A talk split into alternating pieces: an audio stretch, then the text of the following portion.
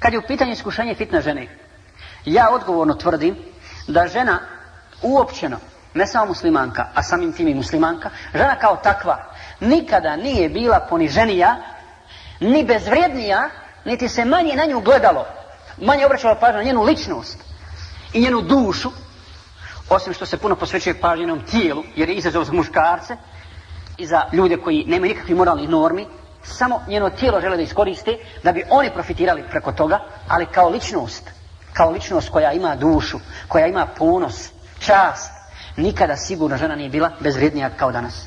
Međutim, oni koji ne vjeruju istinsko Allah, ne vjeruju sudji dan, oni se lahko s nama poigravaju. I nude nam, nude nam te stvari. Evo tako ili nije? Mi ne padamo na te izazove, jel? A malo sutra. Zato je, braći i sestre, ovo ozbiljna tema. Ozbiljna stvar o kojoj moramo razmišljati. Dakle, vidjet ćemo, Islam nudi odgovor. Nema šanse da Islam ne nudi alternativu. Nudi odgovor. Samo se treba pridržavati, uzimati taj lijek koji Islam nudi. Kaže poslani sa selam, nisam vam ostavio veće fitne, veće rješenja od, posle mene, od žena, jel?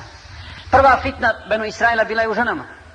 Zato se čuvajte žena i čuvajte se Danjaluka čuvajte se žena, ne znači to, žena je manje vrijedna, treba je zatvoriti u kuću samo, treba raditi ovo, treba raditi, kako kaže na, na protivnici islama i oni koji su zlonamili, naprotiv.